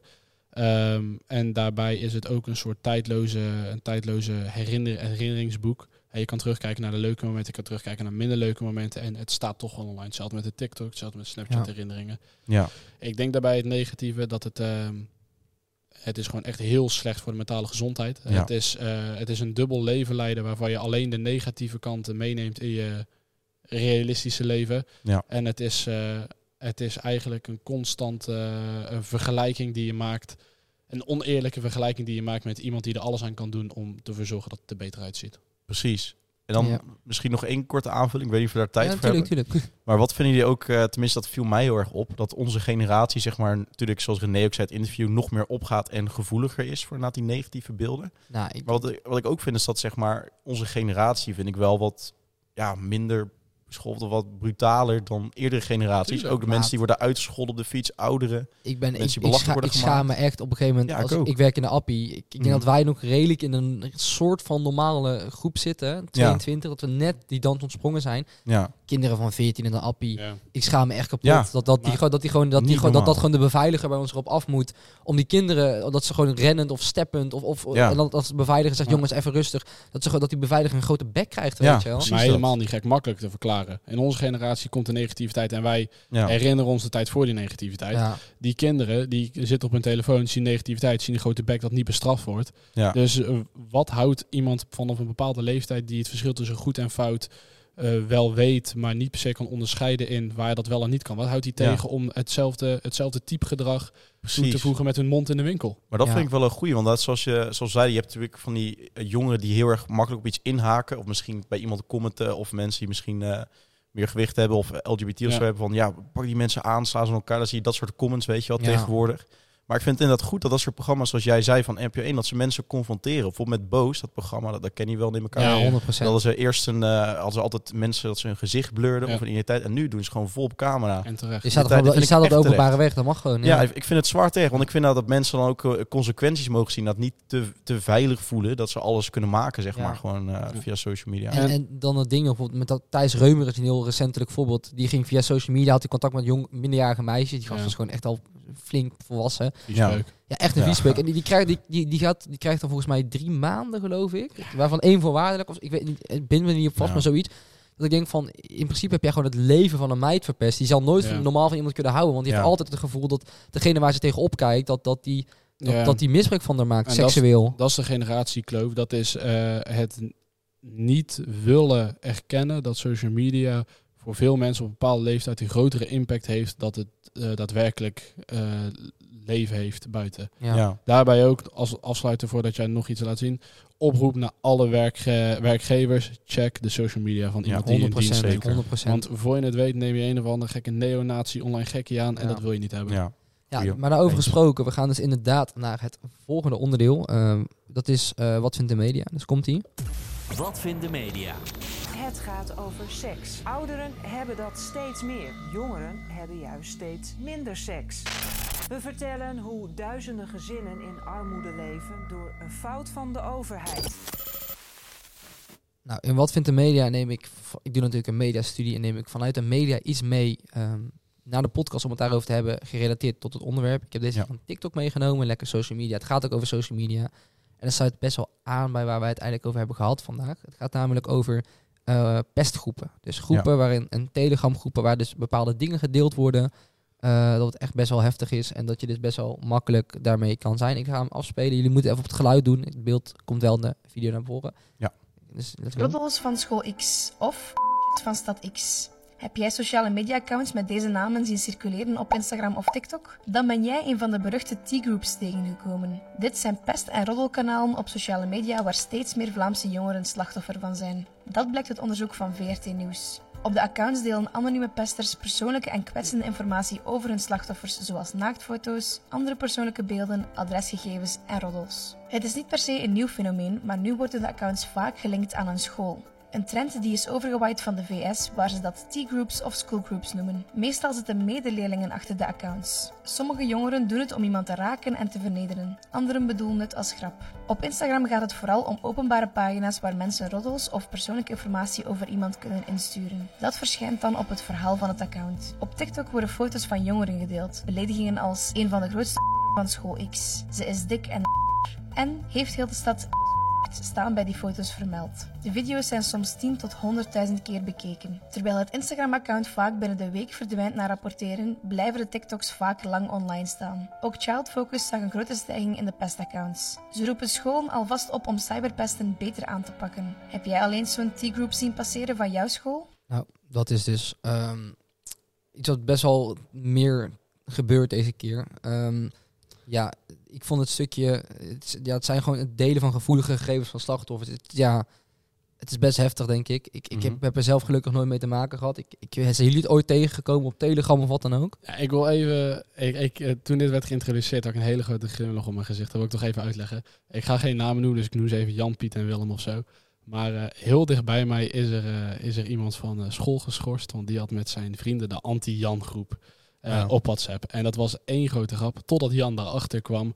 En toen werd iedereen uit die groep werd geschorst van school. Ja. Eh, daarin ging het nooit over Jan, maar de naam alleen was al erg genoeg. Ehm, dus daar moest ik even aan denken en moest ik heel hard lachen. Maar het is iets wat je altijd al hebt gehad. Hoe vaak ik op de brugklas wel niet in een, in een groep heb gezeten die dan bijvoorbeeld, ik noem even de anti-Piet groep heette. ja. En dat je daar dan met een paar jongens in zat, want Piet die had, die had je een keer gesnitcht of zo. Maar dat is dan denk ik nog een klein voorbeeld. Eh, Dit eh gaat echt Ja. over het, de- het delen van, het, wat we het net over hadden met Thijs Reumer, het vertrouwelijke foto's. Stel je voor, eh, je krijgt een. Ja. naaktfoto van een meid. Mhm. En je maakt er stiekem een foto van, wat van denk ik veel vaker gebeurt dan Ja, mensen absoluut. denken. Ja, heel vaak. En, en dan, dus je, hebt- je vertrouwt een jongen en dan deelt die jongen op een account waar wat iedereen van jouw school volgt. Dus iedereen gaat dan jouw, jouw borsten of jouw, jouw wat dan ook zien. Ja, ik denk dat ik weet niet, jij, heb jij er ooit mee te maken gehad of iets van gezien?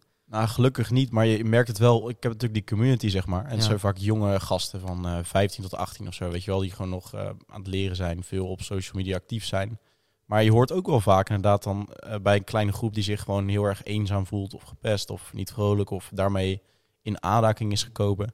En zeker zoals we al zeiden, een beetje met die trend, als ik het zo mag noemen, van onze jonge generatie die Ja. ja. er het leuk vindt om mensen te kleineren en daar gewoon energie van halen, is het echt heel erg gegroeid. En het is zo makkelijk, omdat als je eenmaal iemand te pakken hebt, dan, ja, als de groep vijf is, maakt niet uit, je maakt weer een nieuwe groep aan. Je gaat naar een ander platform. Ja. Dat, het is allemaal zo anoniem en daardoor vind ik dat heel goed, zoals Noah zegt, dat er ook echt iets mee gedaan wordt. Ik vind inderdaad dat er te makkelijk over gedaan wordt. Het is van, ja, we kunnen het niet oplossen, het moet zelf. Nee, je moet juist actie ondernemen, vind ik. En ook met zo'n NPO 1 die mensen confronteren. Dat is de enige oplossing. En zo kun je dat oplossen, vind ik. Het ding is ook bij dat programma, ze hebben ze ook gezegd, ze hebben pro- geprobeerd X te benaderen. Die hebben een postadres in Nederland. Dus je moet, als je een Ja. bedrijf bent in Nederland, een adres hebben. Mhm. Je kan er alleen een brief achterlaten. Laat staan, dat schuren ze natuurlijk gelijk door midden. Ja. Je kan zulke bedrijven ook niet benaderen. Nee, klopt. Nee. Ze hebben nooit een klantenservice. Jij, jij misschien even een voorbeeld dat we erin kunnen fietsen. Op Ja, een gegeven moment is jouw Instagram is ten dode veroordeeld. ja, ik was als persoon ten dood verklaard. Dus ik heb nu twee accounts online waarbij de, bij eentje ook echt staat ter nagedachtenis van. Ja, Dat zei ik helemaal aan het begin ook toen mijn werk, de, de werk waar ik nu werk, eh, keek naar mijn social media. Die dachten dus dat ik dood was. Want die keken naar dat account. En toen kwam ik Ja. hier drie dagen later binnen. En het was echt van, oh ja, we zagen op jouw Instagram dat je overleden was. Ja. ja, en dat is eigenlijk een grap van iemand van de vriendengroep. We zullen niet snitch of namen noemen. Rijn. Ja. Rijn. nee, maar, maar Rijn, Rijn heeft, Rijn heeft gewoon een soort van overlijdingsakte. Een soort van... Maar hij was daar ook echt maar vijf minuten mee bezig. Hij heeft gewoon, Mm. maar hij had ook echt als getuige had hij, had hij volgens mij iets van miauw, mjol en miam ingevuld of zo. En ja, is gewoon, en ik heb toen Facebook een bericht gestuurd en gezegd van, nee, dit, dit ben ik niet. Ja. Eh, ik leef, ik stuur iets. Toen kreeg ik een bericht terug met, hey, wat vervelend. eh, stuur even een foto met je idee en dat je je naam hebt geschreven op Ja. papier. Ik gedaan, kreeg ik een mailtje terug. Hiermee kunnen wij niks. Succes. ja, toen ben ik verwijderd van het, eh, van het contact. Toen ben ik zeg maar geblokkeerd van het contacten van Facebook en Instagram. Ja. Tot iets van vier maanden geleden. En dan, nu zitten we echt al twee jaar verder of zo. Ja. Kreeg ik ineens een berichtje met, hey, wil je er nog iets mee doen? En toen dacht ik echt van, ja, maar hoes even. Ik vind het eigenlijk best wel lekker. Nu een nieuw account. eh, Ja. Geen, Ja. geen gekkies erin van zeven jaar maar, geleden. maar moet, moet je beseffen dat stel, stel je voor dat jij bij, bij een, jij gaat bij een talpa heb je een topfunctie voor je voor ogen en je mag daar gaan solliciteren en, en zij gaan jouw Insta checken en dan staat dat Ja. jij dood bent. Ja, ze, dan stel je voor dan, dan denken ze ook van oké, eh, Ja. wat is dit? het vervelende Het is wel een smatch op, je, op jouw Ja, ik de- kan- de- hoe heet het op jouw digitale voetstap. Ik kan dat account ook nooit meer wegkrijgen. Ik heb ook meerdere keer gevraagd op verschillende manieren of het verwijderd kon worden. Ja. Het gaat nooit meer weg. Dus Ja. het zat in alle tijden. Het enige reden waarop ik het dus minder, eh waar ik het weg zou kunnen krijgen, is mijn huidige account groter maken.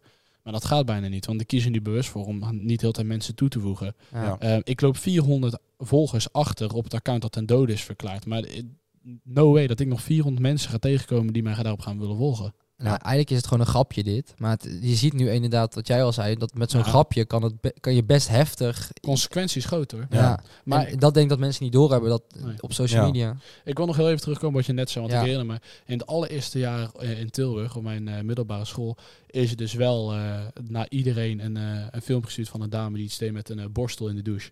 En die Ja. dame die, die moest gewoon na twee weken van het nieuwe jaar, het eerste jaar, moest gewoon meteen naar een nieuwe school. Ja, want Maar ook niet iedereen in dezelfde dat. stad, hè, maar echt gewoon Ja. een andere stad. Dat was gewoon in heel de stad. Wist Ja. iedereen wie het was. Hij was echt bizar. En toen, ehm, niemand had eigenlijk daar de impact van door. Totdat op een gegeven moment een brief van die ouders werd gemaild naar elke leerling. Waarin ook gewoon stond van, joh, onze dochter heeft gewoon zelfmoord proberen te plegen door Ja. deze dingen. Ja, bizar. Ja, en, en toen was ineens een soort taboe of zo. ja. Maar het, het ble- bleef wel, zeg maar, ja, het feit dat ik het nog steeds weet, Ja. Dit, dit, dit is Ja. daar echt, dit, is zo iemand, het zou me niet verbazen, die gewoon naar een andere stad is verhuisd. Ja, maar het is ook is altijd wel op één school is altijd wel iemand die zoiets heeft meegemaakt. Ja, ik had op mijn basisschool Mhm. precies hetzelfde. Daar hadden we iemand met de achternaam eh, eh, een boer, en de rest vertel ik niet. En daar werd tegen geroepen, omdat er ook een foto was geleakt in groep 8. is- ja, Ver, eh, verander jouw eerste letter van je achternaam naar de achtste letter van het alfabet. En dan was het hoer. Ja. En dat werd alleen Nee, nou, maar... dankjewel dat je het even uitlegt. Ja.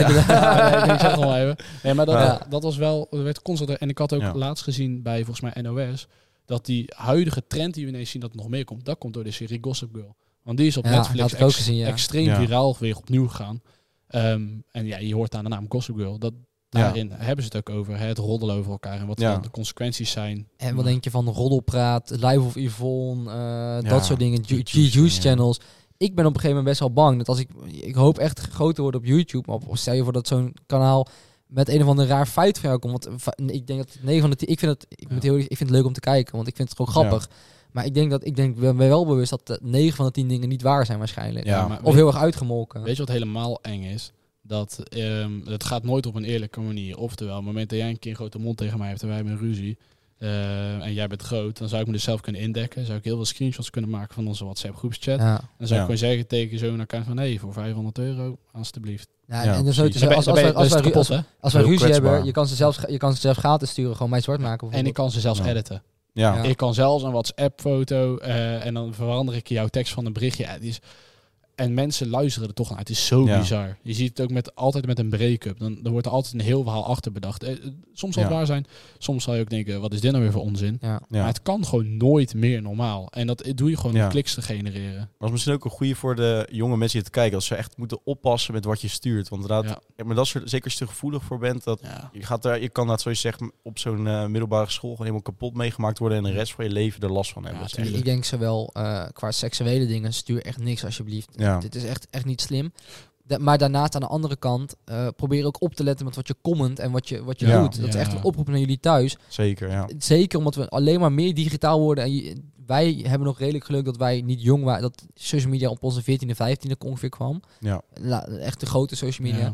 Jullie kunnen nu in principe op je negende echt al heel je leven neuken. Veel. Ja. Beste bedoel ik. De, het broertje van mijn vriendin, die, zit in, die had in groep 6 hadden ze al een Snapchat groep met z'n allen. Waarin gewoon, dus ook, eh, eh, als één iemand dan bijvoorbeeld, weet ik veel, eh, zijn broek had geplast of zo, dan, ja. Ja. dan was dat de topic. Hè. Dan werd zo iemand... Nee, nee, maar ik, bedoel eerder te zeggen van als jij, als jij bijvoorbeeld ergens een comment achterlaat, het op je negende, oh ja, ja. snap ja. je? Probeer echt op te letten wat je plaatst. En Precies. check je geschiedenis af en toe.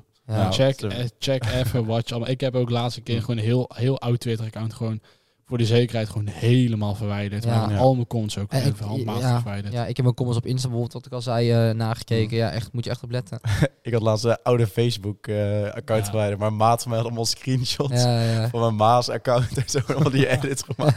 en mijn vriend dat is ook kut Ja. hoor. En ik heb op Hives trouwens een keer een publiek berichtje gezet toen ik ruzie had met iemand. Met, eh, dit zijn al mijn beste vrienden en ik haat deze. En toen had ik zijn naam erbij gezet. Ja, maar Oh, dat was, dat was toen Ja. vroeger toch, dan snapte je dat gewoon niet. Ja, toen, Ja. toen had ik echt eh, iedereen voor elkaar aardig, behalve één iemand op dat moment. Toen had ik gezegd, ik vind iedereen aardig, behalve deze gast. Ja, dat, Maar Ja. zie, zie, best zie, gezeik zie, hoe, zie hoe simpel het is om eigenlijk mensen voor, voor schut te ja, zetten. toen was ik een negen Ja. of zo. Ja. Hives was wel de shit, man. Maar Ja. was, Hives was zijn tijd voorbij. Nou, dan gaan we alweer naar het laatste gedeelte. Dat zijn de do's en de don'ts. Ehm, Dus ja. Do's en don'ts. Ik heb jullie natuurlijk gevraagd om allebei een do en een don't mee te nemen. Dat is altijd aan het einde van de podcast. Ik Mhm. eh, trap hem af en ehm, de rest, ehm, ja, die mag dan volgen. Het is voor de kijkers thuis, uit onze expertise, wat we ervan vinden. Ja. Mijn do omtrent social media is eh, lekker posten waar je zelf achter staat. Maak je niet druk om wat de rest vindt. Ik moet zeggen, ik leef die do zelf ook niet na. Maar het zou wel het perfect, perfecte wereld zijn. Ik denk dat Noah daar wel een voorbeeld van is aan deze tafel. Die post echt, gewoon- die hebt foto's online staan dat je bijvoorbeeld eh, met Bruma van PSV en Ik heb een, eh, een mooi voorbeeld is eh, dat ik met Steven, wat is zijn achternaam? Steven Bruns. ja, die, die, die man uit Brabant. Ja, daar heb ik daar een foto en de drie foto's daarna in de slides heb ik een Snapchat kale hoofdfilter. Daarom, ik, ik denk dat het heel, want jij zit op een account dat mensen gewoon alleen jouw vrienden Ja, jou volgen. Klopt, het, het Mhm. boeit me niet wat ik erop zet. Ik zet erop wat ik wil. Ja, Mhm. En als het niet interessant is, eh, eh, donder jezelf lekker van mijn account af, alsjeblieft. ja.